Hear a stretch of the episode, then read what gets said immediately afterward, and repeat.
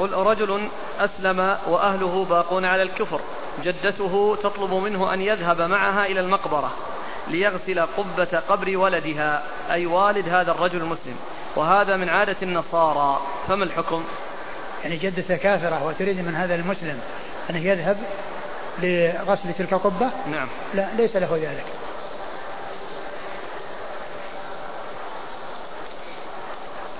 امرأة من فلسطين أعطت أحد المعتمرين وهو فلسطيني أيضا أعطته مبلغا من المال وقالت له إذا وصلت إلى مكة أو المدينة اشتري بهذا المبلغ مصاحف وضعها في المسجدين أو في أحدهما وعند وصوله قيل له إن المصاحف هنا متوفرة فوق الحاجة والحمد لله والأولى لكم أن تصرفوا المال لصالح الفلسطينيين فهم أحوج إليه من غيرهم فهل هذه الفتوى صحيحة؟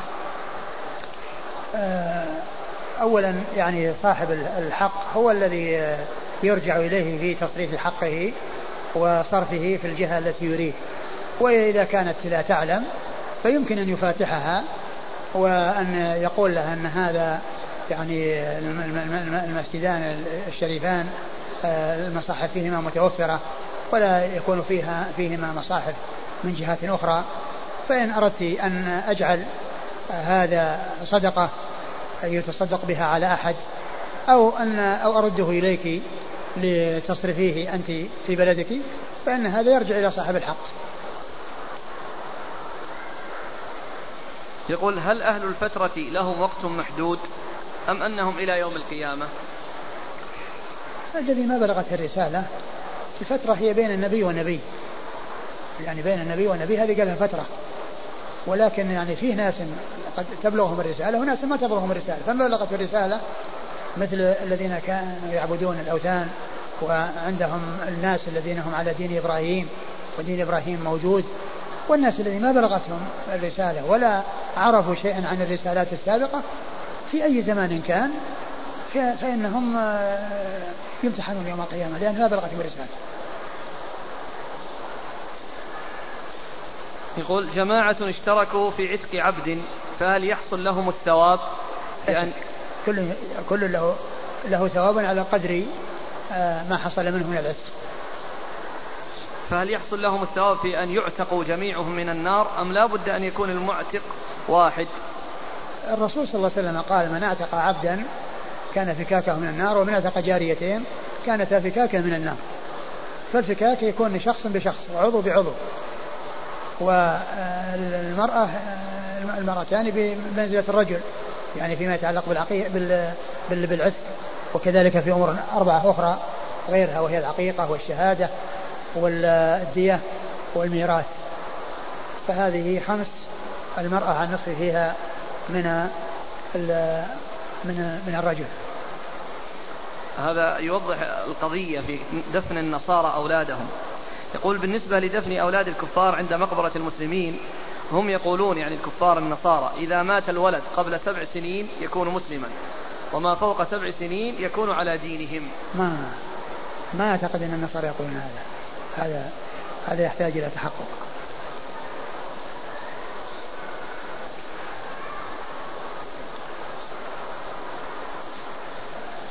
يقول ما هو الدعاء الصحيح للطفل الميت؟ اللهم اغفر لحينا وميتنا وصغيرنا وكبيرنا وشاهدنا وغائبنا وذكرنا وانثانا يعني صغيرنا وكبيرنا هذا ورد. يعني دعاء للصغير وللكبير. وكذلك يدعى لوالديه يعني بالرحمة والمغفرة كما جاء في الحديث. يستقبل صلى عليه ويدعى لوالديه بالرحمة والمغفرة. هل في إذن الله تبارك وتعالى لنبيه صلى الله عليه وسلم بزيارة قبر أمه؟ دليل على جواز زيارة قبور المشركين؟ نعم لأن المقصود تذكر الآخرة فقط. لأن زيارة الكفار أو زيارة قبور الكفار من أجل تذكر الموت. وأما زيارة المسلمين فهي من أجل تذكر الموت ومن أجل الدعاء للمسلمين الدعاء لهم. ففيه يعني مصلحة ترجع للزائر والمزور. وأما بالنسبة لزيارة الكفار فالمصلحة للزائر فقط والمزور لا مصلحة له فيها. والمسلم المزور الذي هو الميت يدعو له الزائر فيكون الحي مستفيد والميت مستفيد. لأن الزائر يستفيد والمزور يستفيد أن يدعو له. هذا إذا دعا له. أما إذا دعاه وطلب منه ما لا يطلب منه إلا من الله ما استفاد. الميت شيء والحي تضرر لأنه دعا غير الله وأشرك بالله حيث عبد معه غيره ودعا غيره. يقول فضيلة الشيخ ذكرتم في درس الأمس قاعدة في حديث باللهيعة وذكرتم أن العبادلة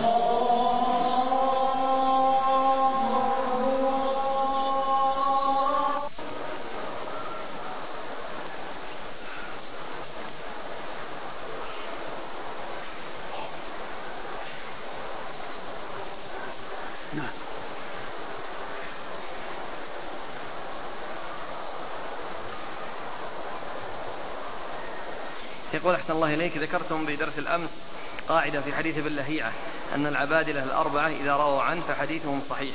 عبد الله بن وهب عبد الله بن يزيد عبد الله بن مبارك عبد الله بن مسلم. يضيف فائدة يقول قرأت في كتاب الروض الداني في الفوائد الحديثية للألباني فزاد على هذا العدد آخرون وهم عبد الرحمن بن مهدي وقتيبة بن سعيد والوليد بن مزيد البيروتي وعبد الرحمن بن عمرو الأوزاعي وسفيان الثوري وشعبة وعمرو بن الحارث وإسحاق بن عيسى الطباع وخالد بن يزيد الصنعاني فين ذكر هذا؟ في الروض الداني في الفوائد الحديثية هذا كتاب من تلاميذ الشيخ الروض الداني؟ إيه في الفوائد الحديثية للشيخ الألباني مم. يعني نقل عن الشيخ؟ إيه مم. يعني هذه تسعة يعني غير الأربعة أي نعم ما أدري عمرو عمرو بن الحارث ما أدري عن الحفير يعني. عمرو بن الحارث هو أظن هو في مرنا في الإسناد هذا أظن في طبقته ولا لا؟ في الإسناد. الإسناد الأخير هذا الذي مرنا الذي فيه بالهيئه نعم سواء. مقرون به. أي. ما أدري هو عمرو الحارث يروي عنه. هو هو في طبقته.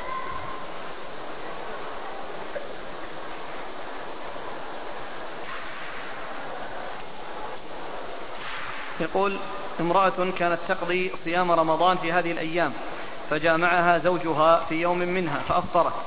هل تأثم بذلك؟ وماذا عليها؟ لا يجوز له أن يجامعها ما دام أنه فرض. وإذا حصل الجماع فقد فسد الصوم عليها وعليها أن تقضي يوما آخر مكانه. وليس عليها كفارة. لأن لأن الكفارة إنما هي لشهر الصيام. ولنفس الصيام في زمنه. وأما في حال القضاء فلا يعامل معاملة الأصل. يقول أرجو, أرجو الإجابة على هذا السؤال حتى أعرف على من تكون الكفارة. إنني ذهبت للحج وأنا جاهل بمناسك الحج وكان معي بعض الأصدقاء. ذهبنا إلى عرفة وذهبت إلى جبل الرحمة وعند عودتي لم أعرف مكان أصدقائي. وبعد المغرب ذهبت مزدلفة وأخذت منها سبع حصوات ومشيت إلى منى ورميت الجمرة الكبرى وذهبت إلى مكة وطفت طوافا بنية الوداع وسعيت وذهبت بعدها إلى جدة. ما طاف الإفاضة آه وبعد ذلك؟ يبغى يشوف الحين كفر على من عليه ولا على أصحابه اللي تركوه أصحابه ما جنوا عليه هو الذي أضاع. فلا يحملون ما لا يتحملون. لكن آه، كلامه واضح الأشياء التي راحت أنه مر مزدلفة. ما أدري متى خرج مزدلفة. خرج مبكر في أول الليل في آخر الليل. وأما قضية آه، ترك طواف الإفاضة فهذا ركن من أركان الحج. لا بد منه. والسعي هو ساعة ولا ما ساعة؟ أي ساعة طاف الوداع وساعة بعده ومشي. على كل ما دام أنه ما طاف طواف الإفاضة عليه ركن من أركان الحج. فالتفاصيل فيما يتعلق بما يلزم من الكفارات ماذا عمل ما ما عرفنا السؤال بالتحديد حتى نعرف أن عليه كفارة. ولكن الذي عليه وهو ركن من أركان الحج تركه يجب عليه أن يؤديه. وإذا كان يعني عنده زوجة وقد جامعها فإنه آه، يكون عليه آه، فدية وهي شاة يذبحها بمكة ويوزعها له فقراء الحرم لأنه يعتبر جامع قبل التحلل الأول. قبل التحلل الثاني. التحلل الثاني لا يكون إلا إذا أتي بالطواف ومعه السعي. لكن الآن الطواف هو الذي تركه والسعي قد فعله والطواف هو الذي بقي عليه. ف آه، كما قلت يعني يجب عليه أن يذهب مكة ويطوف والإفاضة ويذبح شاة مكة يوزعها على فقراء إن كان متزوجا وجامع زوجته في هذه الفترة. وأما الباقي من ناحية ماذا صنع هل ترك المبيت مزدلفة؟ وهل خرج من من عرفة قبل الغروب؟ آه وهل رمى الجمرة قبل آه نصف الليل؟ ما أدري إيش الذي حصل. لكن الواضح هو ترك الطواف طواف الإفاضة. يقول هل صح حديث التكبر على المتكبر صدقة؟ ما نعرف حديث هذا. التكبر ما هو مطلوب. تكبر الإنسان لا يتكبر. وهل يوجد حديث عفوا تعف نساؤكم أو يوجد حديث قريب من هذا المعنى؟ لا أدري لا أدري. هل يجوز دفن المسلم في مقبرة الكفار إذا كان في بلد كفر؟ لا ما يجوز. لا يجوز أن يدفن في مقابر الكفار. وإنما يدفن في مقابر المسلمين أو في مكان ليس آه ليس مقبرة كفار. هل ورد في السنة أنه عندما يمر الإنسان على مقبرة للكفار يقول بشروهم بالنار؟ لا أدري. هل يتعين على المسلم أن يعتقد أن كل كافر خالد في النار بعينه؟ أم الواجب معرفة ذلك على وجه العموم؟ كل من مات على الكفر فإنه خالد مخلد في النار. أبد الأباد إلى غير نهاية كل من مات على الكفر. لهذا كان بعض العلماء مثل ابن كثير إذا كان الإنسان أتى بشيء يعني آه، في آه، يعني هو مكفر ولم يعرف النهاية فإنه يقيد ذلك بالوفاة على الكفر مثل ما ذكر في ترجمة الفارابي أبو نصر الفارابي في البداية والنهاية فإنه نقل عنه فإنه نقل آه عن عن أن أبا نصر الفارابي لا يقول بمعاد الأجساد وإنما يقول بمعاد الأرواح. فقال ابن كثير فعليه إن كان مات على ذلك لعنة رب العالمين. فعليه إن كان مات على ذلك لعنة رب العالمين. فيقال من مات على الكفر فإنه خالد مخالف في النار إلى غير النهاية أحسن الله إليك. هل هل يصح أن يقال إن الأشاعرة ليسوا أصحاب عقائد فاسدة؟ لا لا يصح بل عقيدتهم فاسدة وعقيدتهم باطلة. وليست عقيدتهم عقيدة أهل السنة والجماعة وإنما هي عقيدة وجدت بعد زمن الصحابة وبعد مدة طويلة يعني من عصر الصحابة فهي ولدت ونبتت بعد زمن الصحابة بمدة ولا يمكن أن يكون هناك عقيدة صحيحة حجبت عن الصحابة وادخرت للأشاعرة ولا لغير الأشاعرة بل هي باطل والحق هو الذي كان عليه الصحابة الكرام رضي الله عنهم وأرضاهم. ما نصيحتك حفظك الله لمن يقول الرد على المخالف يسبب الفرقة بين المسلمين ولكن الواجب السكوت على الخطأ حتى تجتمع كلمة المسلمين. هذا غير صحيح هذا هذا باطل. بل الخطأ يعني يبين ويوضح ويعني لا يترك. وأما قضية يعني الترك من أجل من أجل ان هذا يسبب فرقة بل الفرقة حصلت بالمخالفات والخروج عن الجادة.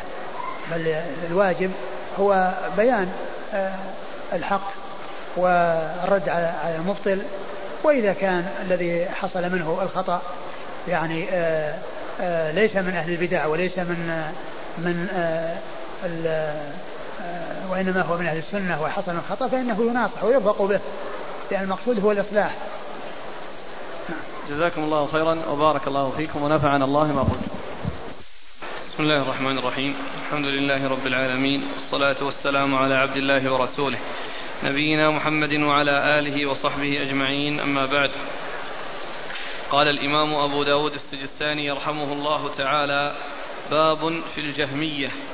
قال حدثنا هارون بن معروف قال حدثنا سفيان عن هشام عن أبيه عن أبي هريرة رضي الله عنه أنه قال قال رسول الله صلى الله عليه وعلى آله وسلم لا يزال الناس يتساءلون حتى يقال هذا حتى يقال هذا خلق الله الخلق فمن خلق الله؟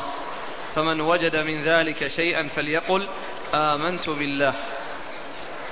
بسم الله الرحمن الرحيم الحمد لله رب العالمين وصلى الله وسلم وبارك على عبده ورسوله. نبينا محمد وعلى آله وأصحابه أجمعين. أما بعد يقول الإمام أبو داود السجستاني رحمه الله تعالى باب في الجهمية أي في بيان فساد مذهبهم وما ورد من النصوص في الرد عليهم. والجهمية منتسبون إلى الجهم بن صفوان وهم عندهم بدع مختلفة. ولكنهم في أسماء الله وصفاته يعني ينفون عن الله الأسماء والصفات. و واشتهرت نسبتهم إلى الجهم بن صفوان. ومذهب الجهمية كان موجودا قبل الجهم لأن الذي أسسه هو الجعد بن درهم. وكان ذلك في آه، في آه، عصر عصر التابعين في وقد سبق أن ذكرت أن الحافظ بن حجر نقل عن الحسن البصري أنه قال لو كان ما يقوله الجعد حقا لبينه الرسول صلى الله عليه وسلم. يعني فيما آه ذكره فيما جاء عنه من القول بالبدع التي أحدثها وتبعه على ذلك غيره حتى جاء الجهم بن صفوان فأظهر هذا المذهب ونشره فنسب إليه الجهمية فقيل لهم الجهمية نسبة إلى الجهم بن صفوان. ولكن كما قلت المؤسس الذي قبله هو الجعد بن درهم وكان قبله وهو الذي أول من أنشأ أو أول من أسس هذا المذهب الخبيث الذي هو نفي الصفات عن الله عز وجل. فهؤلاء آه، هم الجهمية الذين عقد أبو داود رحمه الله هذا الباب في كتابه السنة من من كتابه السنن لبيان الرد عليهم أورد آه، في حديث أبي هريرة نعم. أورد في ذلك حديث أبي هريرة أن النبي صلى الله عليه وسلم لا قال لا يزال الناس يتساءلون فيقولون هذا الله خلق الخلق فمن خلق الله. فمن وجد شيئا من ذلك فل فلينتهي وليقل آمنا بالله. فمن وجد من ذلك شيئا فليقل آمنت بالله. فمن وجد شيئا من ذلك شيئا فليقل آمنت بالله. وجاء في بعض الروايات فلينتهي. يعني يقف عند هذا الحد ولا يتجاوز. يعني يصل إلى أن الله تعالى هو الخالق وكل من سواه مخلوق ولا يتجاوز ذلك إلى مثل هذا السؤال الباطل الذي يقذفه الشيطان على على بعض الناس. وفي بعض الروايات أنه قال فليتعوذ بالله من الشيطان الرجيم. وليتعوذ بالله من الشيطان الرجيم. وعلى هذا فإن الشيطان كما مر في الحديث يجري من ابن آدم مجرى الدم وهو يوسوس للإنسان ويشوش عليه ويأتيه بالوساوس التي تمر على خاطره. ولكنها إذا جاءت على خاطره فعليه أن يدفعها وأن آه، يستعيذ بالله من الشيطان الرجيم وليقل آمنا بالله ولا يسترسل مع الشيطان ووساوسه وما يلقيه عليه فإن ذلك آه، يؤدي به إلى الضرر ولكن عليه أن ينصرف أو يصرف ذلك عن نفسه ويتعوذ بالله من الشيطان الرجيم ويقول آمنا بالله. ويعرض عن هذه الوساوس ويشتغل بغيرها مما هو حق. فيشتغل بالقرآن أو بقراءة القرآن أو بذكر الله عز وجل أو ما إلى ذلك من الأشياء التي هي آه، آه، من الحسنات وهي من الأعمال الصالحة ويبعد أو يعرض عن هذه عن هذه الخواطر والوساوس. ولكنها لا تؤثر على الإنسان إذا جاءت إذا هجمت عليه وهجمت عليه هذه الخواطر لا لا يضره ذلك ولكن عليه أن يعرض عنها ولا يسترسل مع الشيطان فيها وليتعوذ بالله من الشيطان الرجيم. و وكون الإنسان عندما تنقدح في أمور في ذهنه هذه الأمور ويستثقلها ويستعظمها يعني هذه علامة خير. هذه علامة خير في الإنسان كونه يستعظم هذه الأمور القبيحة والأمور السيئة التي جاءت على خاطره. وعليه أن يعرض عنها وأن يتعوذ بالله من الشيطان الرجيم. ثم ذكر بعد ذلك آه، طريقا أخرى للحديث وفيه زيادة هي التي تتعلق بالأسماء والصفات. قال قال حدثنا هارون بن معروف لا الإسناد اللي بعده وش قال حدثنا محمد بن عمرو قال حدثنا سلمة يعني من الفضل قال حدثني محمد يعني بن إسحاق قال حدثني عتبة بن مسلم مولى بني تميم. عن أبي سلام بن عبد الرحمن عن أبي هريرة رضي الله عنه أنه قال سمعت رسول الله صلى الله عليه وآله وسلم يقول فذكر نحوه قال فإذا قالوا ذلك فقولوا الله أحد الله الصمد لم يلد ولم يولد ولم يكن له كفوا أحد. ثم ليدخل عن يساره ثلاثا وليستعذ من الشيطان. يعني أن هذه الأمور إذا حصلت له فإنه يقول الله أحد الله الصمد. يعني يذكر آه، آه، يذكر الله عز وجل ويعظمه وينصرف عن تلك الأشياء التي آه، خطرت له. فالله أحد الله الصمد. فهو واحد لا شريك له. وهو المتفرد بالخلق والإيجاد. وهو الذي يملك النفع والضر. وهو الذي بيده ملكوت كل شيء. وهو الخالق كل شيء سبحانه وتعالى. وهو الصمد الذي هو مستغن عن كل من سواه. وكل من عداه فهو مفتقر إليه. ولا يستغني عن الله طرفة عين. فيستحضر هذه المعاني العظيمة التي تدل على وحدانية الله عز وجل وعلى تفرده بالخلق والإيجاد وعلى كمال غناه وفقر كل أحد إليه وأنه لا يستغني عن الله طرفة عين. وفي وفي ذلك ال ال ال الابتعاد عن هذا الذي يلقيه الشيطان في ذهن الإنسان من مثل هذه الأمور السيئة التي من الصعوبة على الإنسان أن يتلفظ بها. وقد جاء عن النبي صلى الله عليه وسلم أنه لما سئل عن الرجل يعني يجد في نفسه ما يتعاظم أن يتكلم به. قال وهل وجدتم ذلك؟ قالوا نعم قال ذلك صريح الإيمان. يعني كون الإنسان يستعظم هذه الأمور تنقدح في ذهنه ثم لا يتكلم بها ويصعب عليه أن يتكلم بها فهذا يدل على إيمانه. وإنما كونه آه، آه، يسهل عليه أن يتكلم بمثل هذه الأمور أو تأتي شبه فيطلقها ويتبناها ويدعو إليها هذا هو الذي أصابه البلاء. من الشيطان بحيث آه، أغواه يعني في الداخل ثم تجاوز الحد إلى أن أظهر ذلك وتبنى ذلك ودعا إلى ذلك والعياذ بالله. الله أحد الله الصمد. إيش بعده؟ لم يلد ولم يولد ولم يكن له كفوا لم يلد ولم يولد ولم يكن له كفوا أحد. اللي هي سورة الإخلاص. فهو لكونه صمد يعني غني عن كل من سواه أتى بعد ذلك ما يوضح ويبين يعني استغناء الله عز وجل وأنه صمد هو غني عن كل من سواه وكل من عداه مفتقر إليه. فأتى بما يوضح ذلك قال لم يلد ولم يولد ولم يكن له كفوا أحد. فنفى عنه الأصول والفروع والنظراء. نفى عنه الأصول والفروع والنظراء الذين يشابهونه ويماثلونه وينادونه وإنما هو واحد في ذاته وفي صفاته لا شريك له في الخلق والإيجاد ولا شريك له في ما يختص به من من مما يتصف به من الصفات ولا شريك له في العبادة بل هو المستحق للعبادة وحده لا شريك له. فقوله لم يلد نفي للفروع ولم يولد نفي للأصول ولم يكن له كفوا أحد نفي للأشباه والنظراء. نفي للأشباه والنظراء فهو واحد لا نظير له وهو صمد مستغن عن كل من سواه فلا فليس يحتاج إلى إلى إلى إلى والد ولا إلى ولد.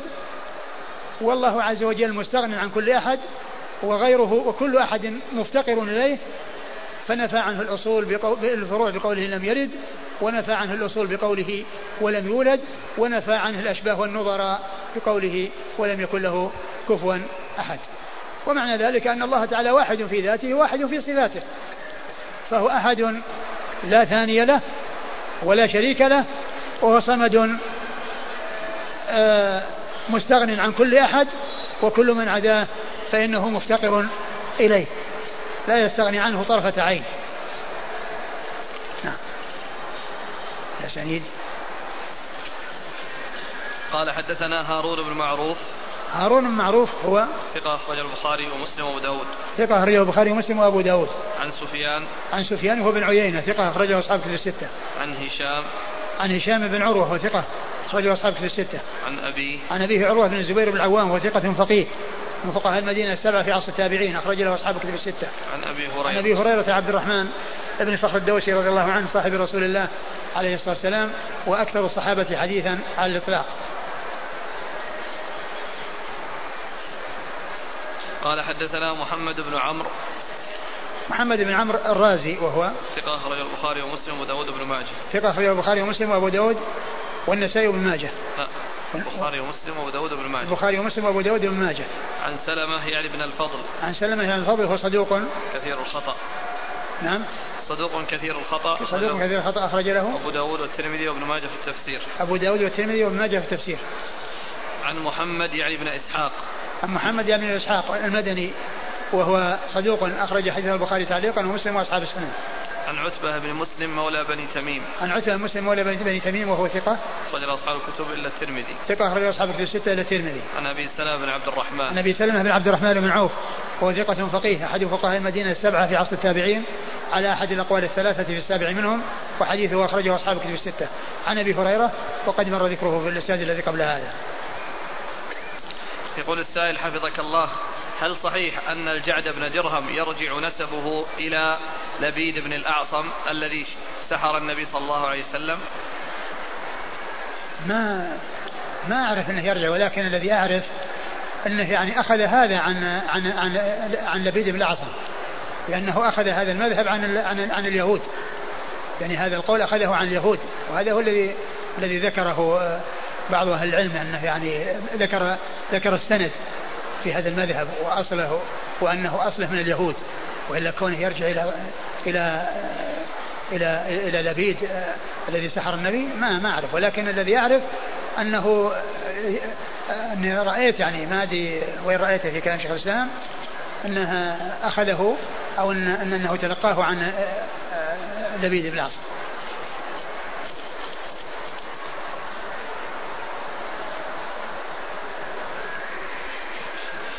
قال حدثنا محمد بن الصباح البزاز قال حدثنا الوليد بن أبي ثور عن سماك عن عبد الله بن عميرة عن الأحنف بن قيس عن العباس بن عبد المطلب.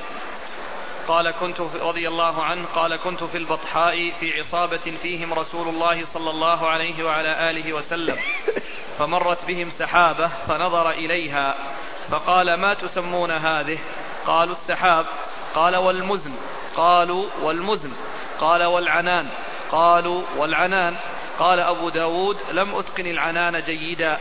قال هل تدرون ما بعد ما بين السماء والأرض؟ قالوا لا ندري.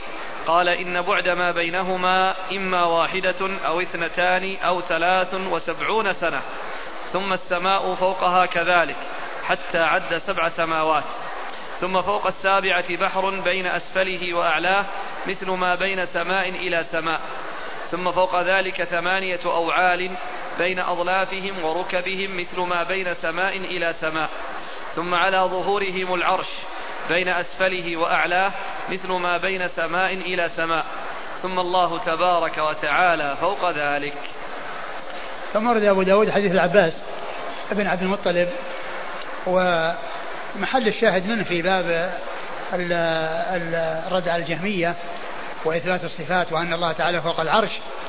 لما ذكر يعني هذا الحديث بطوله وقال في آخره بعد أن ذكر العرش قال والله فوق ذلك فوق ذلك فوق العرش.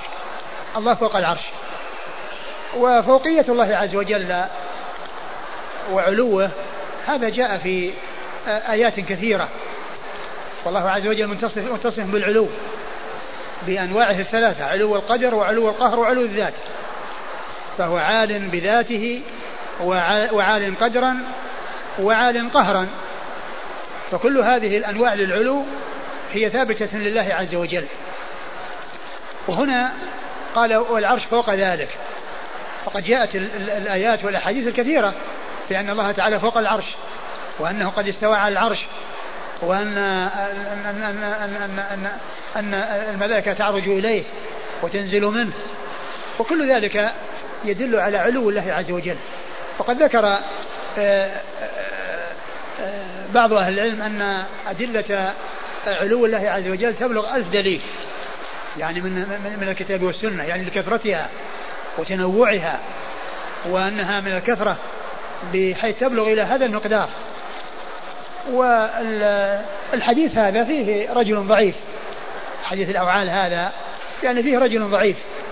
و ولكن آه الذي أورده أبو داود من أجله وهو الرد على الجهمية فيما يتعلق بعلو الله عز وجل وفوقيته على عرشه وفوق خلقه هذا ثابت بالآيات الكثيرة والأحاديث المتواترة على كثرتها وتنوعها. كل ذلك يدل على أن الله تعالى متصف بالعلو وأنه سبحانه وتعالى فوق عرشه وجاء الاستواء على العرش في سبع آيات من كتاب الله. جاء ذكر استواء الله على عرشه في سبع آيات من كتاب الله عز وجل. فالحديث في ذلك كثيرة والحديث وإن كان ضعيفا إلا أن المعنى الذي ساقه أبو داود من أجله هو ثابت بالآيات الكثيرة والأحاديث المتواترة عن رسول الله صلى الله عليه وسلم المتنوعة التي تنوعت آحادها وجاءت بألفاظ متعددة وبصيغ مختلفة. ف محل الشاهد منه ما جاء في آخره. إيش أوله؟ قال أنهم كانوا أنهم كانوا مع النبي صلى الله عليه وسلم في البطحاء يعني في مكة. والبطحاء هو المحصب وهو ال ال يعني مسيل وادي يعني فيه يعني دقاق الحصبة. فقيل له المحصب ويقال له البطحاء. فمرت بهم سحابة فقال رفع رأسه وقال ما تسمون هذه؟ قال ما؟ قالوا السحاب. قالوا السحاب. قال والعنان والمزن قالوا والمزن. قالوا قال والعنان قالوا والعنان. وهذه كلها أسماء للسحاب كل هذه أسماء للسحاب السحاب والعنان والمزن. أنتم أنزلتوه من المزن أم نحن المنزلون؟ والسحاب المسخر بين السماء والأرض. ف قال بعد ذلك أتدرون قال هل تدرون ما بعد ما بين ما بين السماء والأرض؟ هل هل تدرون بعد ما بين السماء والأرض؟ بعد ما بين السماء والأرض التي فيها ذلك السحاب. الذي هذا السحاب يكون يعني آه، فيها في هذا العلو الذي بين السماء والأرض كما قال الله عز وجل والسحاب المسخر بين السماء والأرض. والسحاب المسخر بين السماء والأرض. قال تدرون بعد ما بين السماء والأرض؟ قال الله ورسوله أعلم؟ قال إن بعد ما بينهما إما واحدة أو اثنتان أو ثلاث وسبعون سنة. إن بعد ما بينهما إما واحدة أو اثنتين أو اثنتان أو ثلاث وسبعون سنة. يعني مسيرة سبع ثلاث وسبعين سنة أو اثنين وسبعين سنة أو واحدة وسبعين سنة. يعني أن المسافة بعيدة والمسافة يعني شاسعة. يعني هذه السنوات الكثيرة يعني آه، تقطع المسافة هذه بهذه السنين. تقطع هذه المسافة بهذه السنين يعني أن المسافة شاسعة والمسافة بعيدة. نعم. و ثم السماء فوقها كذلك. ثم السماء فوقها كذلك. نعم. ثم حتى عد سبع سماوات. حتى عد سبع سماوات. يعني أن كل ما بين السماء إلى السماء يعني مثل هذا المقدار. نعم. ثم فوق السابعة بحر بين أسفله وأعلاه مثل ما بين سماء إلى سماء. نعم. ثم؟ ثم فوق ذلك ثمانية أوعال بين أظلافهم وركبهم مثل ما بين سماء إلى سماء. الأوعال هي من الحيوانات المتوحشة التي هي من من من ال ال يعني من مما يكون في في البر من الصيد. يعني يقال له وعل. وما بين ظلفه وبين ركبته إيش؟ كما؟ ما بين أظلافهم وركبهم مثل ما بين سماء إلى سماء. ما بين أظلافهم وركبهم مثل ما بين سماء إلى سماء. يعني مسيرة ثلاثة 71 أو 73 أو 72 يعني سنة. هذا ما بين الأظلاف إلى الركب. فما فما بالك بما وراء ذلك وبما فوق ذلك؟ نعم. ثم ثم على ظهورهم العرش بين أسفله وأعلاه مثل ما بين سماء إلى سماء. ما بين أسفله وأعلاه يعني العرش مثل ما بين سماء إلى سماء ثم الله عز وجل فوق فوق العرش. والحديث يعني كما كما أسلفت فيه رجل ضعيف وهو غير ثابت ولكن الذي ساق الحديث من أجله وهو كون الله تعالى فوق العرش. وفي ذلك رد على الجهمية الذين يقولون إن الله يعني ليس فوق العرش ويقول إنه في كل مكان أو يقول إنه لا داخل العالم ولا خارج العالم من أقوالهم الباطلة فإن قوله فوق العرش يدل على خلاف ما قالوه وعلى إبطال ما قالوه والحديث وإن كان ضعيفا إلا أن المعنى الذي دل عليه بالنسبة لإثبات صفة العلو لله عز وجل وأنه فوق العرش جاء في كتاب الله عز وجل في آيات كثيرة وجاء في سنة النبي الكريم عليه الصلاة والسلام في أحاديث عديدة. قال حدثنا محمد بن الصباح البزاز. محمد بن الصباح البزاز ثقة أخرج له أصحاب الكتب. أصحاب الكتب الستة. عن الوليد بن أبي ثور. عن الوليد بن أبي ثور وهو ضعيف أخرج له. البخاري في المفرد وأبو داود والترمذي وابن ماجه. البخاري في المفرد وأبو داود والترمذي وابن ماجه. عن سماك. عن سماك بن حرب وهو صدوق أخرجه البخاري تعليقا ومسلم وأصحاب السنة. عن عبد الله بن عميرة. عن عبد الله بن عميرة وهو مقبول. أخرجه أبو داود مقبول أخرج له أبو داود والترمذي وابن ماجه. أبو داود والترمذي وابن ماجه. عن الأحنف بن قيس. عن الأحنف بن قيس وهو ثقة أخرج له. أصحاب الكتب. أصحاب الكتب الستة. عن العباس. عن العباس بن عبد المطلب عم رسول الله صلى الله عليه وسلم وحديثه أخرجه أصحاب الكتب الستة. قوله صلى الله عليه وسلم إنما بعد ما بينهما سبعون إحدى واحدة أو اثنتان أو ثلاث وسبعون سنة. ألا يعارض ما روي أن بين كل سماء وسماء مسيرة خمسمائة عام؟ نعم يعارضه. لكن يعني هذا كما عرفنا يعني آه، غير ثابت هذا الحديث. و أو, أو, أو يقال أنه على سبيل التكثير أو جاء على سبيل التكثير يعني ذكر السبعين. نعم. والثاني ذاك أصح؟ نعم ذاك أصح اللي جاء فيه 500 أصح. ثم هل المقصود بالنسبة المذكورة في الحديث التي يقطعها الإنسان يعني برجله على الدابة؟ هو هو يعني هو الناس يعني ما يعرفون إلا بسير ال بسير ال بسير الدواب يعني سير الدواب. وتقدير يعني في الغالب إنه بسير الدواب ليس بسير الأقدام لأن الأقدام يعني ما ما يحصل فيها قطع المسافات الشاسعة وإنما يكون على الدواب.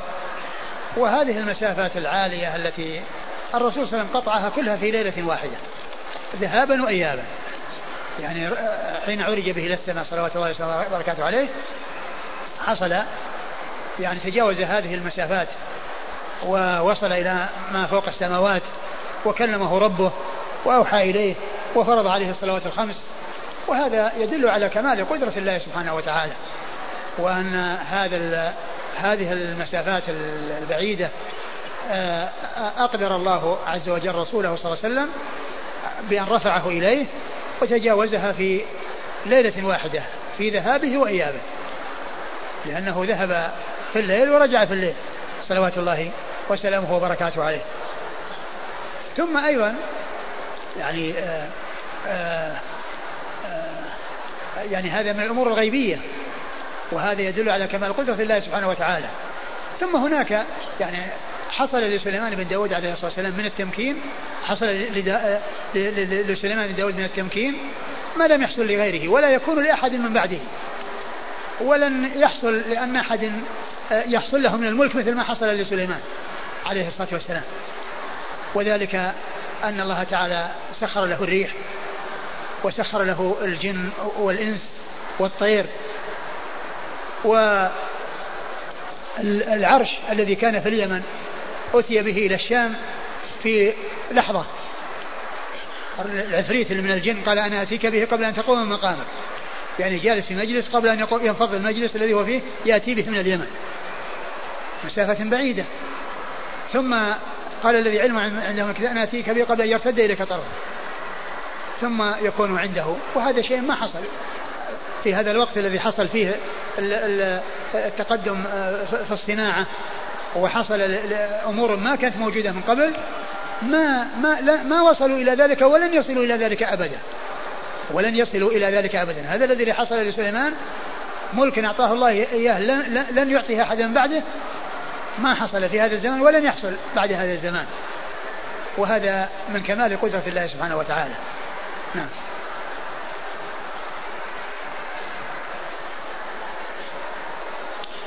في الحاشية قال السندي في حاشيته على ابن ماجه الأوعال جمع وعل والمراد من الملائكة على صورة الأوعال. ثم الله فوق ذلك تصويرا لعظمته سبحانه وتعالى وفوقيته على العرش بالعلو والعظمة والحكم لا الحلول والمكان. انتهى. هذه عبارة هي صحيحة.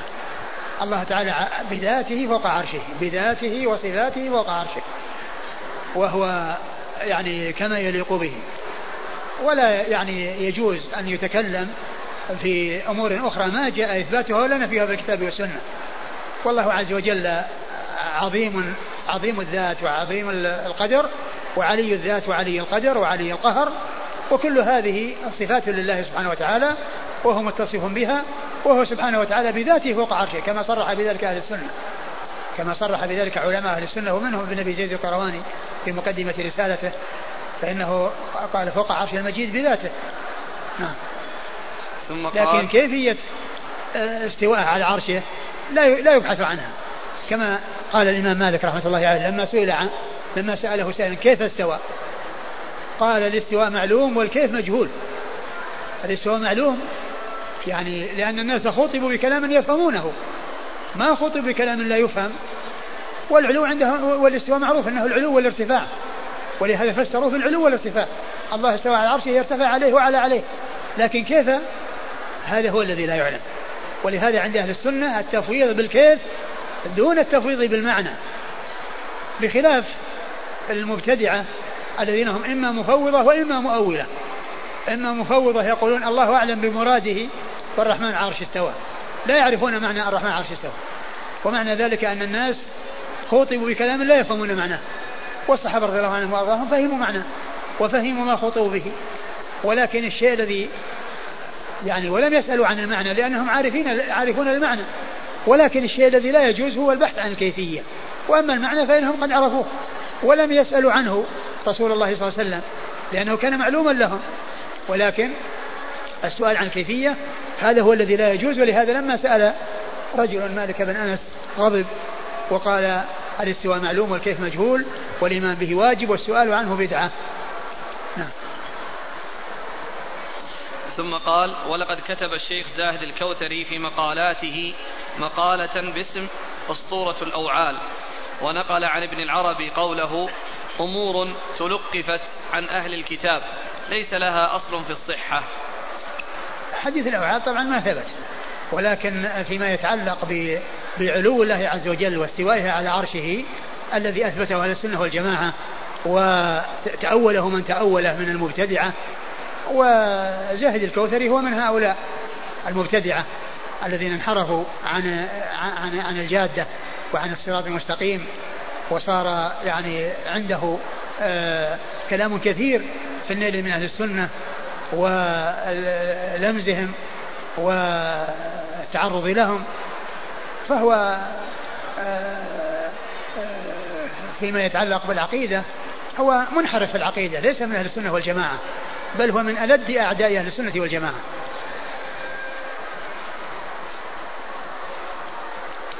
هل يصح أن يفسر الاستواء بالجلوس؟ الاستواء أكثر ما ورد فيه الارتفاع والعلو. أكثر ما ورد فيه الارتفاع والعلو.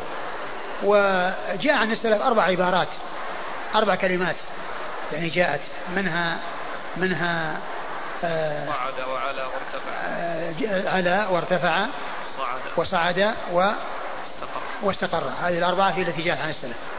قد ذكرها ابن القيم في نونيته. وأكثر ما جاء عنهم على وارتفع. أكثر ما جاء عنهم التعبير بعلى وارتفع.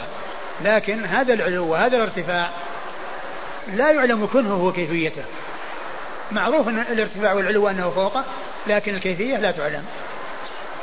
لأن الذات لا تعلم كيفيتها فكذلك صفاتها لا تعلم كيفيتها. كما يقول آه، بعض العلماء الكلام في الذات فرع عن الكلام الكلام في الصفات فرع عن الكلام في الذات. فكما أن لله ذات فما كما أننا نثبت لله ذات لا تشبه الذوات فيجب علينا أن نثبت له صفات لا تشبه الصفات. لأن الكلام في الذات في الصفات فرع عن الكلام في الذات. قال حدثنا أحمد بن أبي سريج قال أخبرنا عبد الرحمن بن عبد الله بن سعد ومحمد بن سعيد. قال أخبرنا عمرو بن أبي قيس عن سماك بإسناده ومعناه.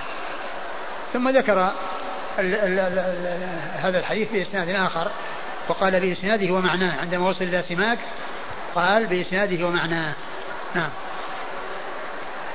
إسناد. قال حدثنا أحمد بن أبي سريج.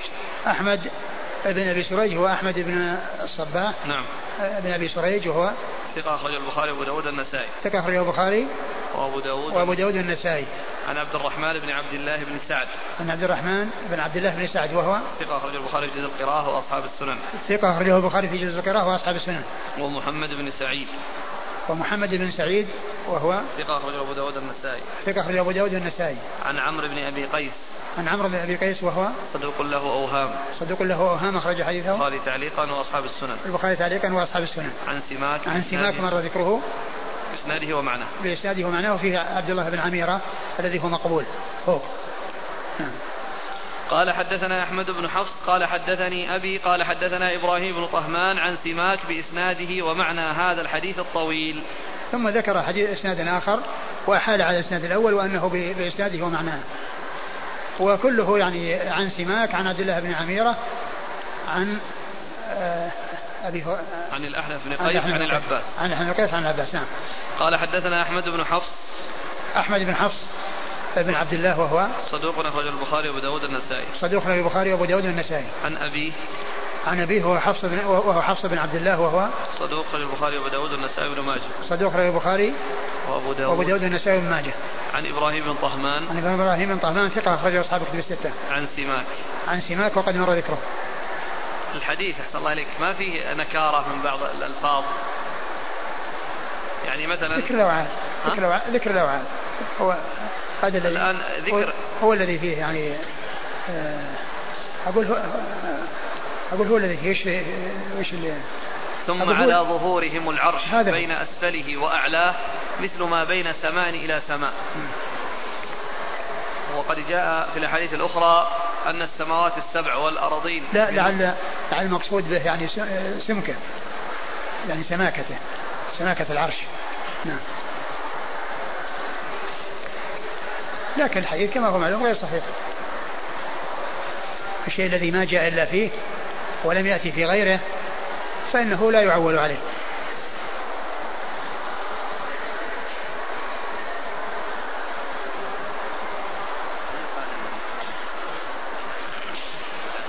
ها؟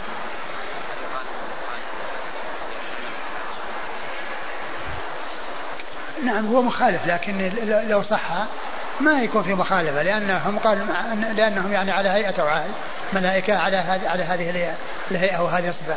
ولكن أيضا حتى فيه مخالفة من ناحية أن الملائكة الله جعلهم ذوي أجنحة مثنى وثلاثة ورباع وما جعلهم على على هيئة آه، هذه المخلوقات التي يعرفها الناس ويشاهدونها. لأن هيئة الملائكة على الخلقة التي هم عليها الناس ما يعرفونها. والله جعل الملائكة ذوي أجنحة فهو مخالف من ناحية إن, إن, إن هذه الهيئة تخالف هيئة الملائكة التي أخبر الله عز وجل أن أن الملائكة ذوي أجنحة مثنى وثلاثة ورباع. يزيد في الخلق ما يشاء وجبريل له 600 جناح.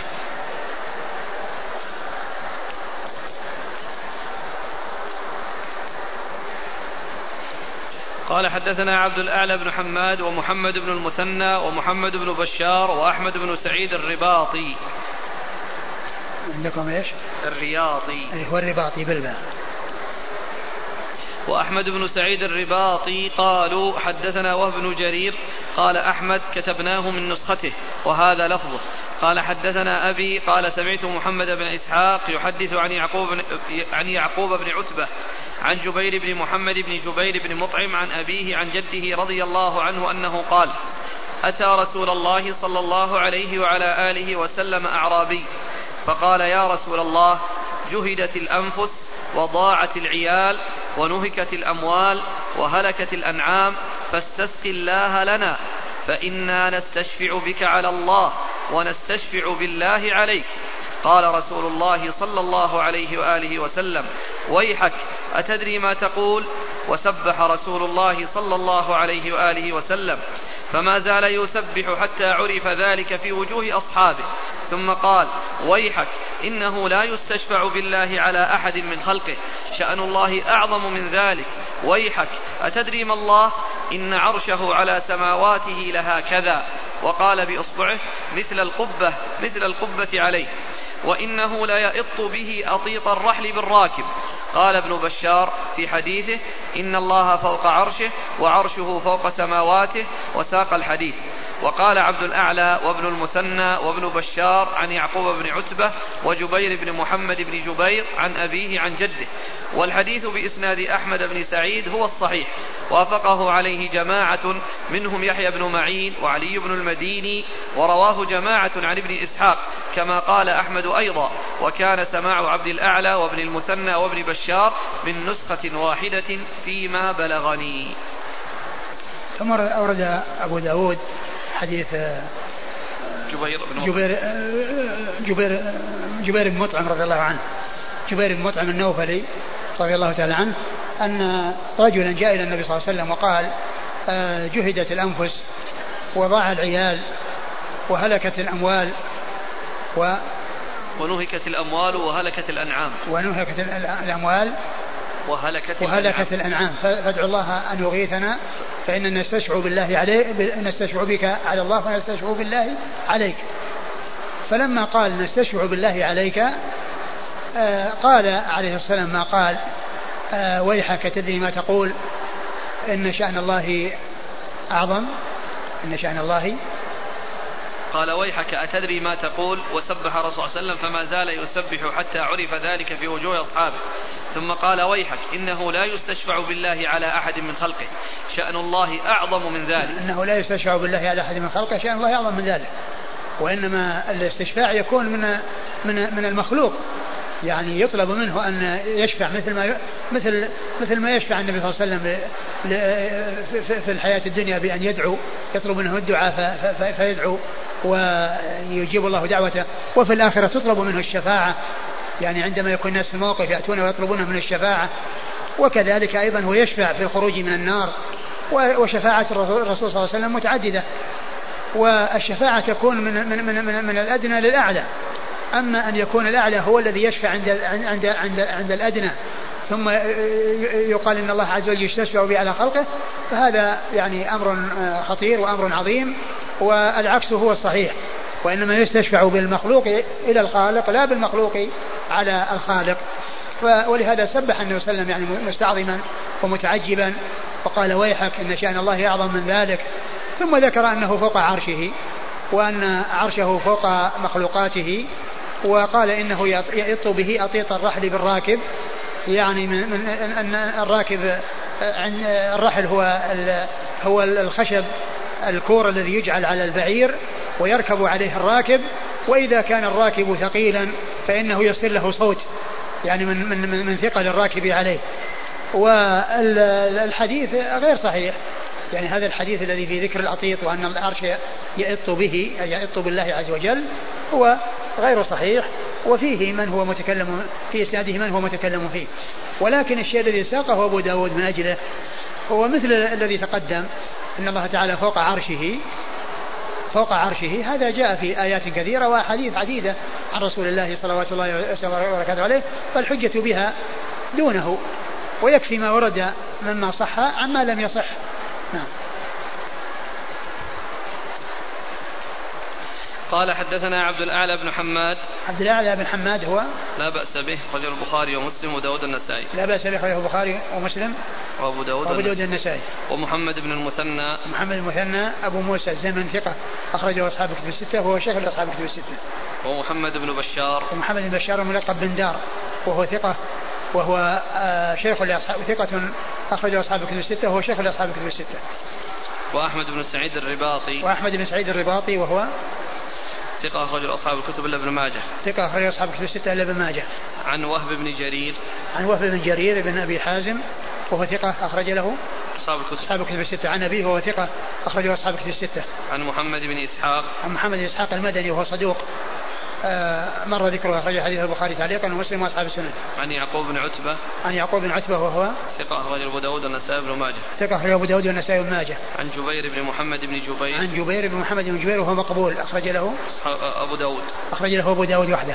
عن أبي عن أبي محمد بن جبير وهو ثقة أخرجه أصحاب الكتب الستة. عن جده. عن جده وهو جبير بن مطعم النوفلي صاحب رسول الله صلى الله عليه وسلم وحديثه أخرجه أصحاب الكتب الستة. إيش قال أبو داود بعد ذلك؟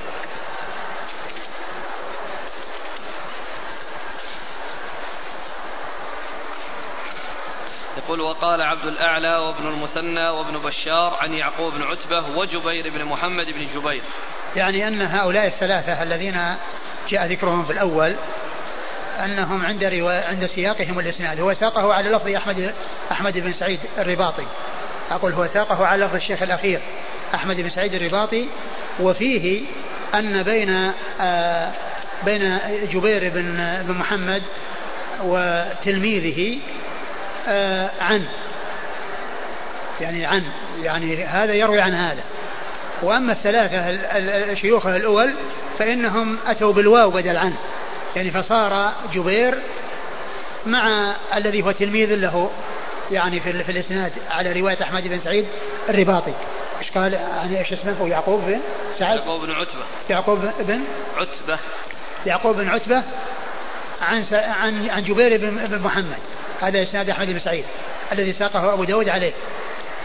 ثم إنه ذكر أن الثلاثة الأولون شيوخه ما أتوا به وإنما جعلوا واو بين يعني عطف واو العطف بين يعقوب بن عتبة وبين جبير بن نفير يعني كأنه زميل له ومشارك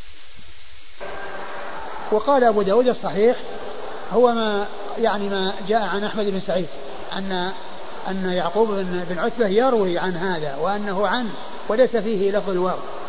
يعني وهي صيغة أداء وليست صيغة صيغة عطف. ثم ذكر ما يؤيد ذلك. قال أن أناسا يعني آه، آخرون رووه كما رواه أحمد بن سعيد. بل إن آه، محمد بن إسحاق أيضا رواه عنه أناس آخرون كما رواه يعني من هذا الطريق الذي جاءت عن أحمد بن سعيد الرباطي. يعني أنه بلفظ عن بين يعقوب بن عتبة وبين جبير بن محمد. ومع ذلك ترجيح أو تصحيح هذه الرواية التي ساقها.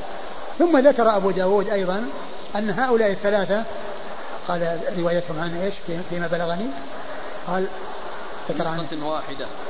إيش؟ قال والحديث بإسناد أحمد بن سعيد هو الصحيح وافقه عليه جماعة. هو الصحيح يعني من إنه عبر بعن ما هو بالصحيح أنه ثابت وإنما عبر بعن نعم.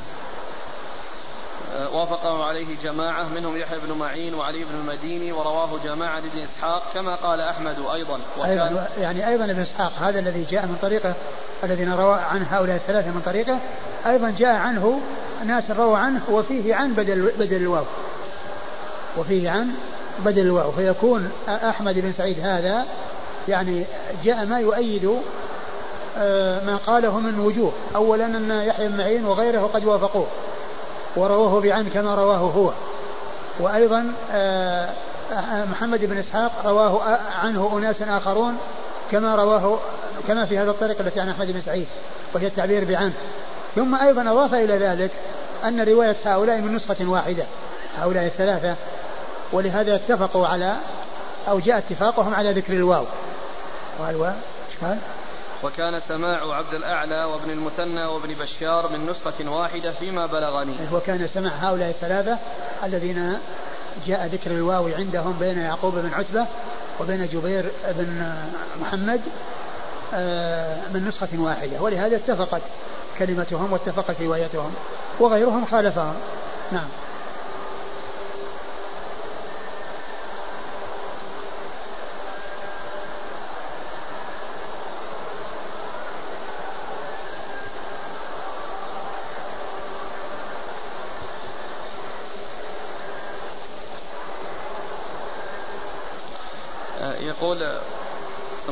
الخطابي هذا الكلام إذا أجري على ظاهره كان فيه نوع من الكيفية والكيفية عن الله وصفاته منفية. فعقل أن, ليس المراد منه تحقيق هذه الصفة. الكيفية يعني كلام الناس في الكيفية. وأما كون له كيفية في نفس الأمر هناك كيفية. ولكن المنفي هو هو كون الناس يعلمون الكيفية. وأما كون هناك كيفية نعم هناك كيفية. الله تعالى يعلمها. نعم. فعقل أن ليس المراد منه تحقيق هذه الصفة ولا تحديده على هذه الهيئة وإنما هو كلام كلام تقريب أريد به تقرير عظمة الله وجلاله سبحانه وإنما قصد به إفهام السائل من حيث من حيث يدركه يدركه فهمه إذ كان أعرابيا جلف جلفا لا علم له بمعاني ما دق من الكلام وبما لطف منه عن درك الإفهام. وفي الكلام حذف وإضمار. فمعنى قوله أتدري ما الله معناه أتدري ما عظمة الله وجلاله. لا كل كلام أقول كلام يعني يعني لا حاجة إليه. والحديث يعني كما هو معلوم هو غير ثابت. وأما كون الله تعالى فوق عرشه هذا متواتر. هذا هذا جاء في الآيات الكثيرة وبالاحاديث المتواتره.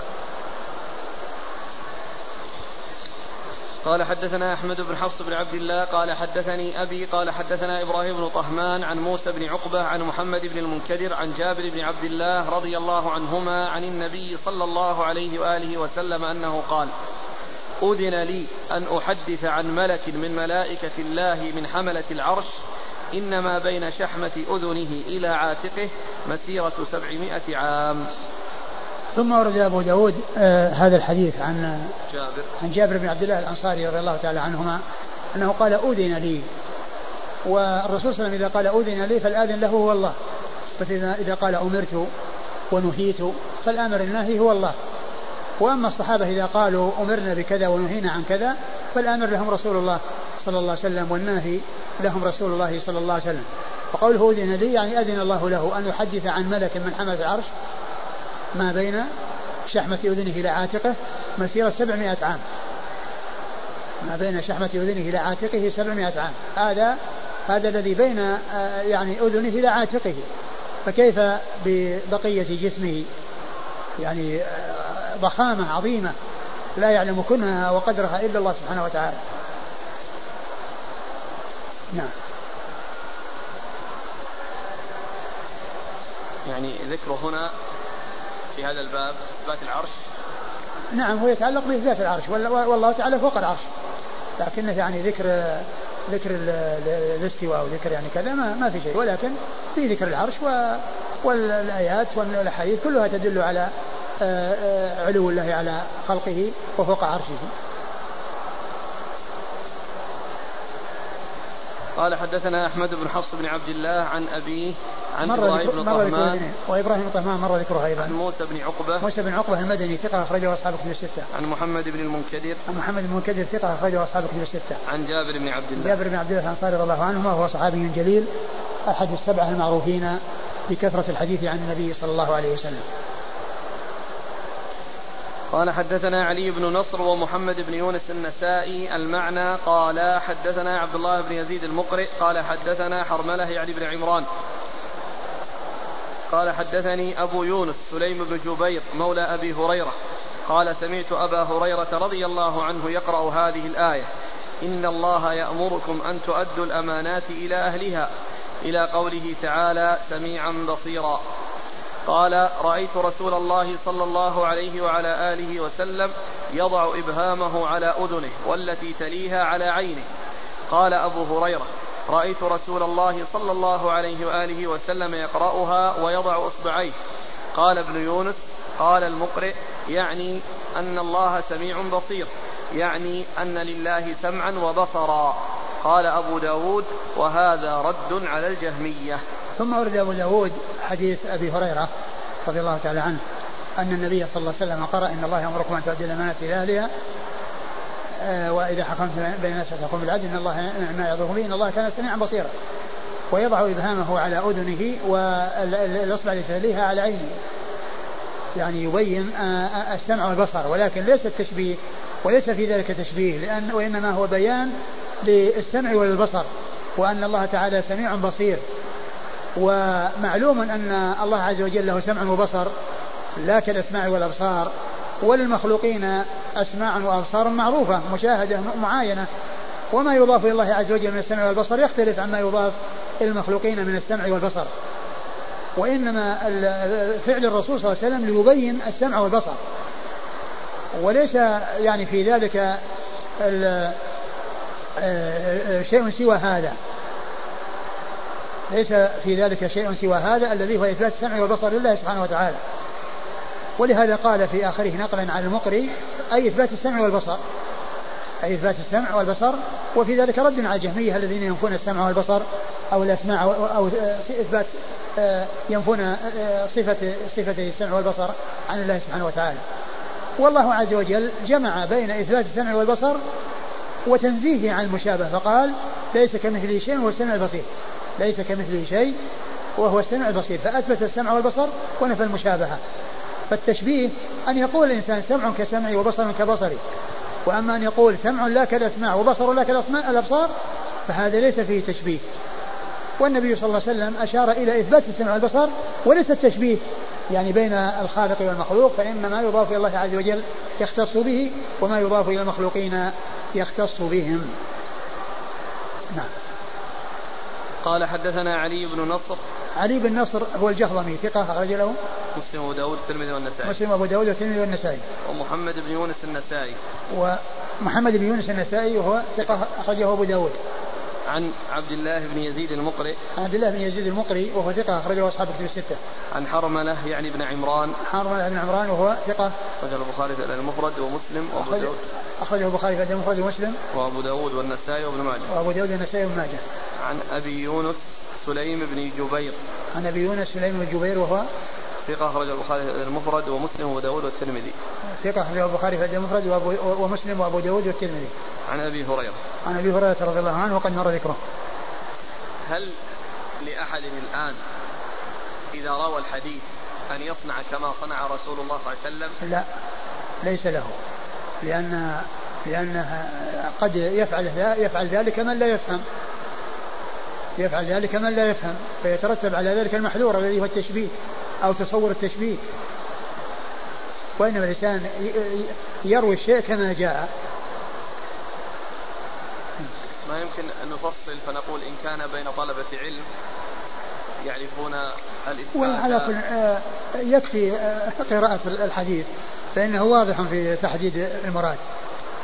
يعني بدل ما يكون يضع إبهامه على أذنه وسبابته على عينه قراءة مجرد قراءة كافية لهذا قراءة الخبر وأن الرسول فعل كذا وكذا أن فعل النبي صلى الله عليه وسلم يعني صنيع هذا لما كان بين قوم لا لا يعني ينكرون الصفات أو لا لا يفهمون من الصفات التشبيه فعل ذلك فلم يكن فيه محذور.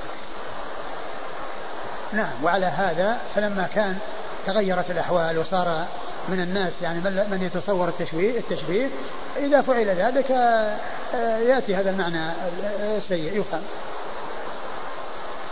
قال رحمه الله تعالى باب في ذكر صاحب عون المعبود على شرح هذا الحديث يعني كلاما نفيسا يعني آه، نقل عن كلام الخطابي ورده وبين فساده.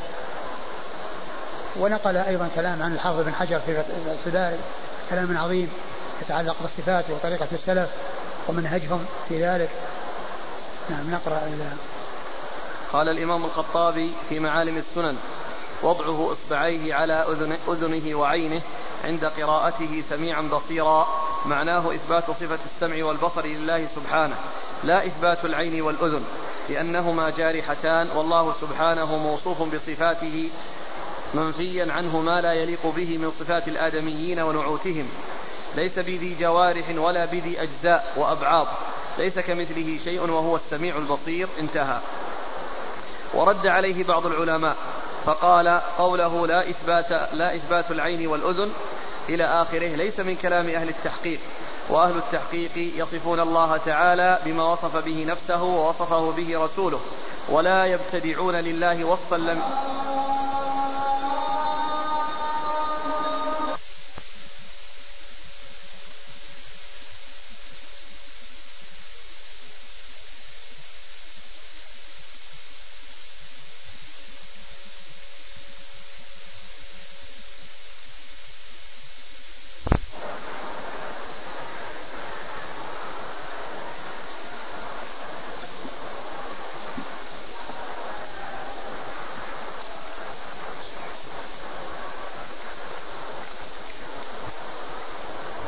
نعم.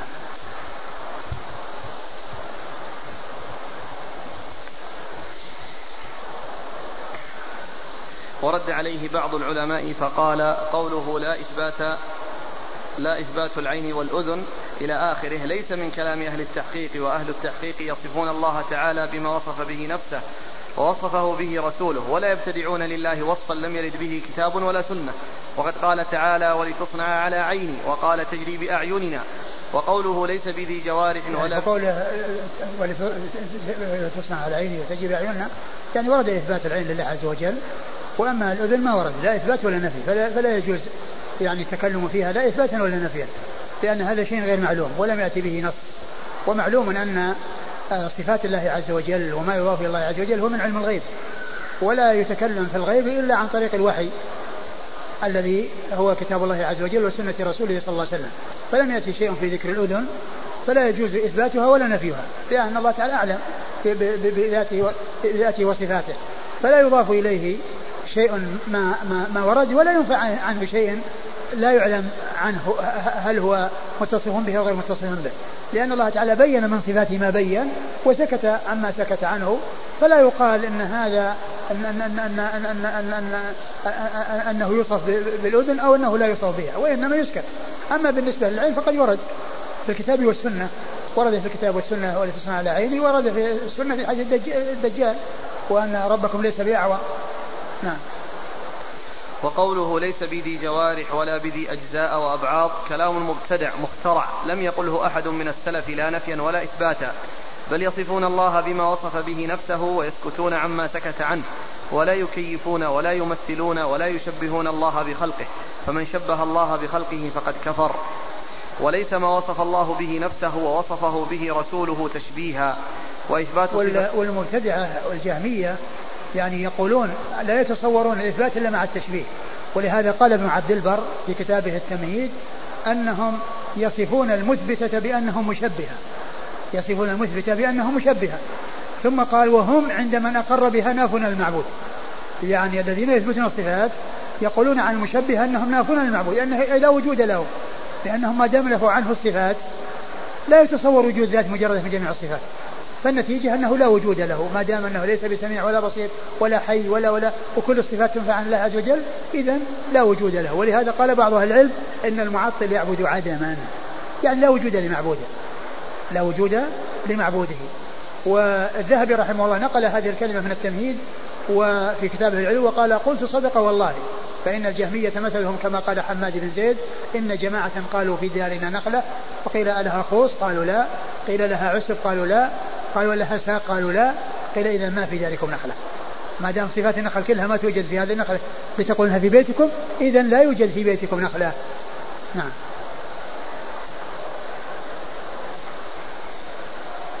وإثبات صفة السمع والبصر لله حق كما قرره الشيخ انتهى كلامه. قلت ما قاله هو الحق وما قاله الخطابي فهو ليس من كلام أهل التحقيق. وعليك أن تطالع كتاب الأسماء والصفات للبيهقي وإعلام الموقعين واجتماع الجيوش والكافية الشافية والصواعق المرسلة وتهذيب السنن كلها لابن القيم رحمه الله وكتاب العلو للذهبي وغير ذلك من كتب المتقدمين والمتأخرين. فائدة قال الحافظ ابن حجر في فتح الباري أخرج أبو القاسم اللالكائي في كتاب السنة عن أم سلمة رضي الله عنها أنها قالت الإستواء غير مجهول والكيف غير معقول والإقرار به إيمان والجحود به كفر. ومن طريق ربيعة بن أبي عبد الرحمن أنه سئل كيف استوى على العرش؟ فقال الإستواء غير مجهول والكيف غير معقول وعلى الله الرسالة وعلى رسوله البلاغ وعلينا التسليم. وأخرج البيهقي بسند جيد عن الأوزاعي أنه قال كنا والتابعون متوافرون نقول إن الله على عرشه ونؤمن بما وردت به السنة من صفاته. وأخرج الثعلبي من وجه آخر, من وجه آخر عن الأوزاعي أنه سئل عن قوله تعالى ثم استوى على العرش فقال هو كما وصف نفسه. وأخرج البيهقي بسند جيد عن عبد الله بن وهب أنه قال كنا عند مالك فدخل رجل فقال يا أبا عبد الله الرحمن على العرش استوى كيف استوى؟ فأطرق مالك فأخذته الرحضاء ثم رفع رأسه فقال الرحمن على العرش استوى كما وصف به نفسه ولا يقال كيف وكيف عنه مرفوع وما أراك إلا صاحب بدعة أخرجوه. وفي رواية عن مالك والإقرار به واجب والسؤال عنه بدعة. وأخرج البيهقي من طريق أبي داود الطيالسي قال كنا قال كان سفيان الثوري وشعبة وحماد بن زيد وحماد بن سلمة وشريك وأبو عوانة لا يحددون ولا يشبهون ويرون هذه الأحاديث ولا يقولون كيف. قال أبو داود وهو قولنا. قال البيهقي وعلى هذا مضى أكابرنا.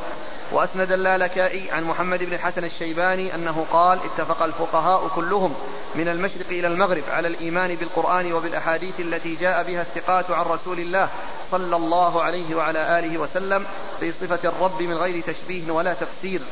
فمن فسر شيئا منها وقال بقول جهم فقد خرج عما كان عليه النبي صلى الله عليه وعلى آله وسلم وأصحابه وفارق الجماعة لأنه وصف, لأنه وصف الرب بصفة لا شيء. هذا هو التفسير هذا الذي ذكره أنه بلا تفسير أي تفسير الجهمية الذي نتيجته كما قال في الآخر أنه وصف الله بأنه لا شيء. يعني معناها أن, أن, أن, أن, أن النهاية أنه لا وجود للذات لأن الصفات نفيت عنها. فإذا التفسير الذي نفي تفسير الجهمية وليس بيان المعنى وتوضيح المعنى بأن يقال استوى معناها ارتفع وعلى الذي هو قول أهل السنة. نعم. ومن طريق الوليد بن مسلم قال سألت الأوزاعي ومالكا والثوري والليث بن سعد عن الأحاديث التي فيها الصفة فقالوا أمروها كما جاءت بلا كيف. وأخرج ابن أبي حاتم عن الشافعي أنه قال يقول لله أسماء لله أسماء وصفات لا يسع أحدا ردها ومن خالف بعد ثبوت الحجة عليه فقد كفر. وأما قبل قيام الحجة فإنه يعذر بالجهل. فنثبت هذه الصفات وننفي عنه التشبيه كما نفى عن نفسه فقال ليس كمثله شيء. وأسند البيهقي عن أبي بكر الضبعي أنه قال مذهب أهل السنة في قوله الرحمن على العرش استوى قال بلا كيف. والآثار فيه عن السلف كثيرة وهذه طريقة الشافعي وأحمد بن حنبل. وقال الترمذي في الجامع عقب حديث أبي هريرة في النزول وهو على العرش كما وصف به نفسه في كتابه كذا قال غير واحد من أهل العلم في هذا الحديث وما يشبهه من الصفات. وقال في باب فضل الصدقة قد ثبتت هذه الروايات فنؤمن بها ولا نتوهم ولا يقال كيف كذا جاء عن مالك وابن عيينة وابن المبارك أنهم أمروها بلا كيف. وهذا قول أهل العلم من أهل السنة والجماعة. وأما الجهمية فأنكروها وقالوا هذا تشبيه. وقال إسحاق بن راهوية إنما يكون التشبيه لو قيل يد كيد وسمع كسمع. وقال في تفسير المائدة قال الأئمة نؤمن بهذه الأحاديث من غير تفسير منهم الثوري ومالك وابن عيينة وابن المبارك. وقال ابن عبد البر أهل السنة مجمعون على الإقرار بهذه الصفات الواردة في الكتاب والسنة ولم يكيفوا شيئا منها. وأما الجهمية والمعتزلة والخوارج فقالوا من أقر بها فهو مشبه.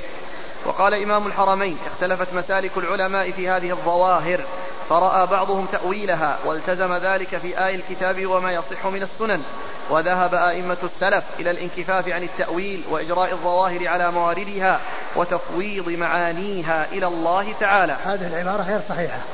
تفويض المعاني إلى الله هذا غير صحيح بل المعاني آه معلومة ومعلوم أن السمع غير البصر والبصر غير الاستواء والاستواء غير الكلام وكل هذه معاني الصحابة فهموها لأنهم عرب خطبوا بما جاء القرآن بلغتهم وقد فهموا ولم يسألوا النبي صلى الله عليه وسلم عن تلك المعاني وقد فهموها. ولا يفوض بالمعنى ولكن يفوض بالكيف. ولهذا الإمام مالك قال الاستواء معلوم يعني ما في تفويض. والكيف مجهول هذا هو الذي يفوض به.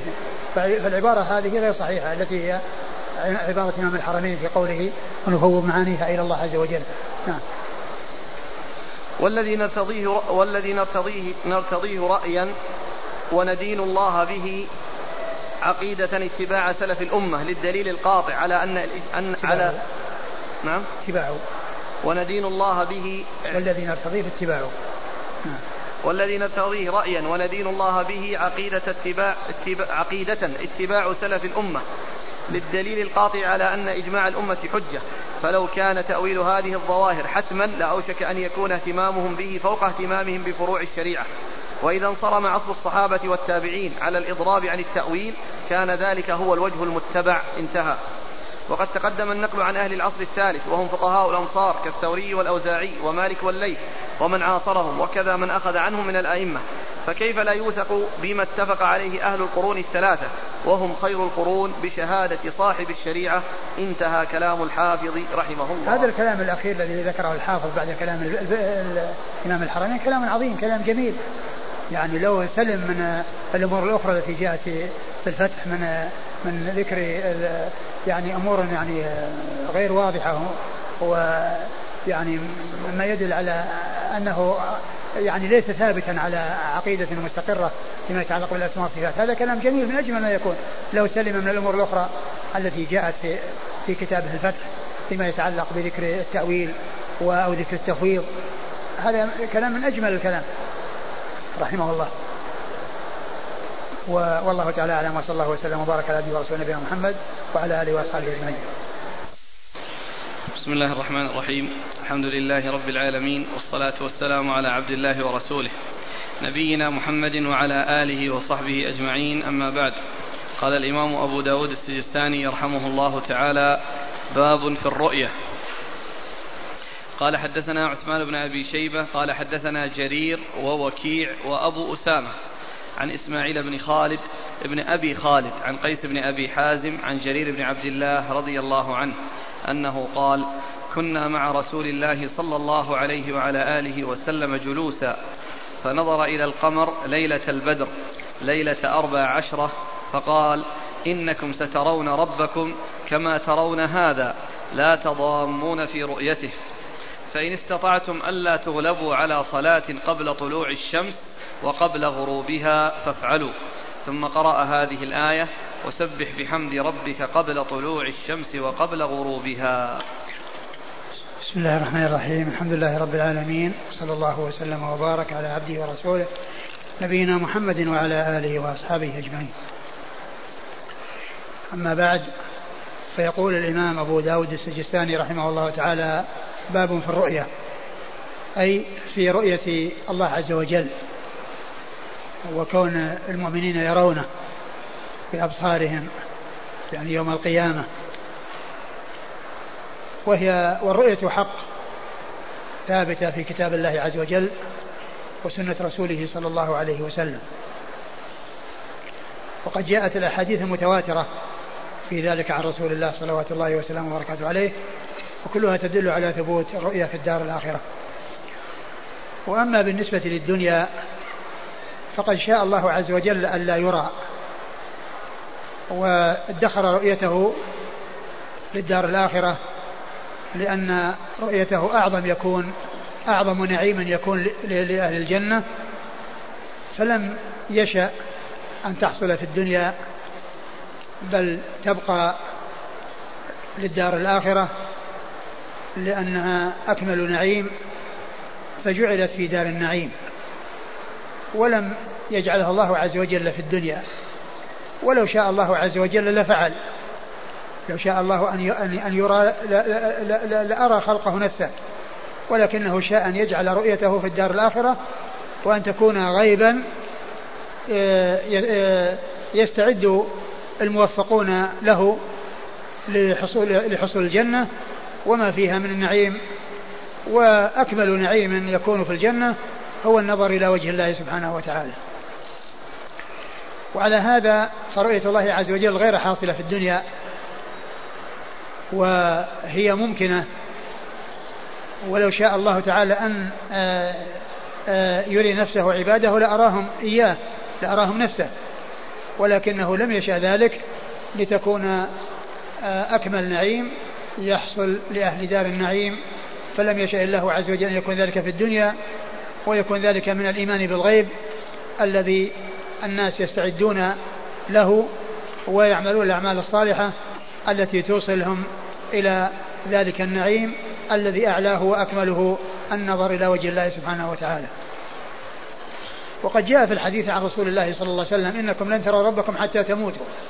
إنكم لن تروا ربكم حتى تموتوا. وحديث أخرجه مسلم في صحيحه. وهو يدل على أن رؤية الله عز وجل لا تحصل في الدنيا وأن الله تعالى شاء ألا يرى إلا في الآخرة. إنكم لن تروا ربكم حتى تموتوا أو إنه لن يرى أحد منكم ربه حتى يموت. هذا يدل على أن الرؤية لا تكون في الدنيا وإنما تكون في الآخرة. أما بالنسبة لنبينا محمد عليه الصلاة والسلام فقد اختلف في رؤيته لربه ليلة المعراج ولكن القول الصحيح الذي دلت عليه الأدلة أنه لم يره ويكون ذلك من جملة ما هو داخل في قوله صلى الله عليه وسلم أنه إنكم لن تروا ربكم حتى تموتوا أو أنه لن يرى أحد ربه حتى يموت فيكون النبي صلى الله عليه وسلم على القول الصحيح أنه ما رآه. ولهذا لما سئل عليه الصلاة والسلام هل رأيت ربك؟ ما قال نعم رأيت ربي. ولكنه قال رأيت نورا. رأيت نورا. ولم يقل رأيت ربي. وفي بعض الأحاديث قال نور أن أراه. نور أن أراه. يعني أن نور الحجاب الذي آه، آه، قال قال الله آه، قال عنه الرسول صلى الله عليه وسلم حجابه النور. لو كشف لاحرق سبحات وجهه لانتهى إليه بصره لا لا لاحرق سبحات وجهه ما انتهى إليه بصره من خلقه. هذا يدل أو هذه الأدلة تدل على أنه ما رأى ربه. ولو كان النبي صلى الله عليه وسلم رأى, رأى ربه لبين ذلك وقال نعم رأيت ربي. نعم رأيت ربي. جوابا هل رأيت ربك؟ وقال رأيت نورا وقال نور أن أراه. هذه تدل على أنه ما راه. وعلى هذا يبقى العموم يعني ما جاء في الحديث إنه لن يرى أحد ربه حتى يموت أو أنكم لن تروا ربكم حتى تموتوا باق على عمومه وأنه ما حصل ما حصلت الرؤية لأحد. وقد وما وقد جاء في القرآن الكريم أن موسى كليم الرحمن لما كلمه الله عز وجل وسمع كلام الله من الله سمع كلام الله من الله. كما قال الله عز وجل وكلم الله موسى تكليما ولما جاء موسى لميقاتنا وكلمه ربه. فقد كلمه ربه وهو كليم الرحمن.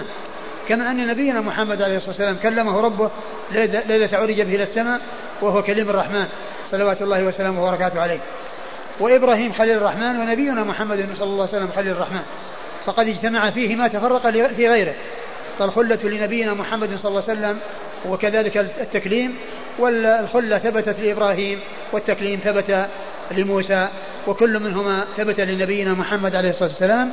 فإبراهيم خليل وموسى كليم ونبينا محمد صلى الله عليه وسلم خليل كليم اجتمع فيه ما تفرق في غيره. صلوات الله وسلامه وبركاته عليه. إذا آه، آه، آه، الرؤية في الدنيا ما حصلت. وقد عرفنا أن أن الله عز وجل شاء أن يكون أن تكون أكمل نعيم يكون في دار النعيم فلم يعجل هذه النعمة العظيمة والفائدة الكبيرة لم لم يعجلها لأحد في الدنيا حتى تبقى غيبا وحتى يستعد كل للظفر بها والحصول عليها. كما أن أمور الآخرة الله عز وجل أخفاها عن الناس ولم يطلع لهم شيئا مما في في الدار الآخرة ومما في الجنة ما ما أظهر لهم شيئا من ذلك. وقد بين صلى الله عليه وسلم في حديث الكسوف أنه لما صلى بالناس صلاة الكسوف وعرضت عليه الجنة وهو يصلي بالناس ورأى عناقيد العنب متدلية فمد يده ليتناول قطفا من العنب والصحابة وراءه يصلون بصلاته فرأوا يده الكريمة ممدودة ولم, رأوا ولم يروا الذي مدت إليه ثم إنه أيضا عرضت عليه النار. فكعكع يعني رجع القهقراء ولم يعرفوا لماذا فعل ذلك. ولما فرغ سألوه وقالوا رأيناك يا رسول الله تقدمت كأنك تريد أن تتناول شيئا ورأيناك تأخرت. فقال عليه الصلاة والسلام عرض علي الجنة ورأيت عناقيد عن المتدلية وأردت أن آخذ عنقودا ثم تركت. ثم قال عليه الصلاة والسلام مبينا ميزة الآخرة على الدنيا وأن الدنيا ليست في الآخرة شيء أمام بالنسبة للآخرة شيء. فقال عليه الصلاة والسلام مددت يدي لآخذ عنقودا من العنب ثم تركت ولو أخذت منه لأكلتم ما بقيت الدنيا. ولو أخذت منه عنقودا لأكلتم من هذا العنقود إلى نهاية الدنيا. ولكن الله عز وجل شاء أن تكون أمور الآخرة غيبا وألا تكون علانية لأنها لو كانت علانية وجاءت النعيم الذي في الآخرة جاء في الدنيا لم يتميز من يؤمن بالغيب ومن لا يؤمن بالغيب. لم يتميز من يؤمن بالغيب ومن لا يؤمن بالغيب. فإذا الرؤية في الدار الآخر في الدار الدنيا ما ثبتت لأحد في اليقظة ولكنه جاء عن النبي صلى الله عليه وسلم أنه رأى ربه في المنام.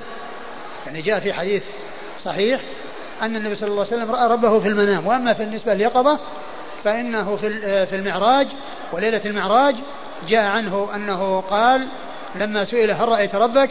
قال رأيت نورا أو في آه، بعض الألفاظ قال حجابه النور.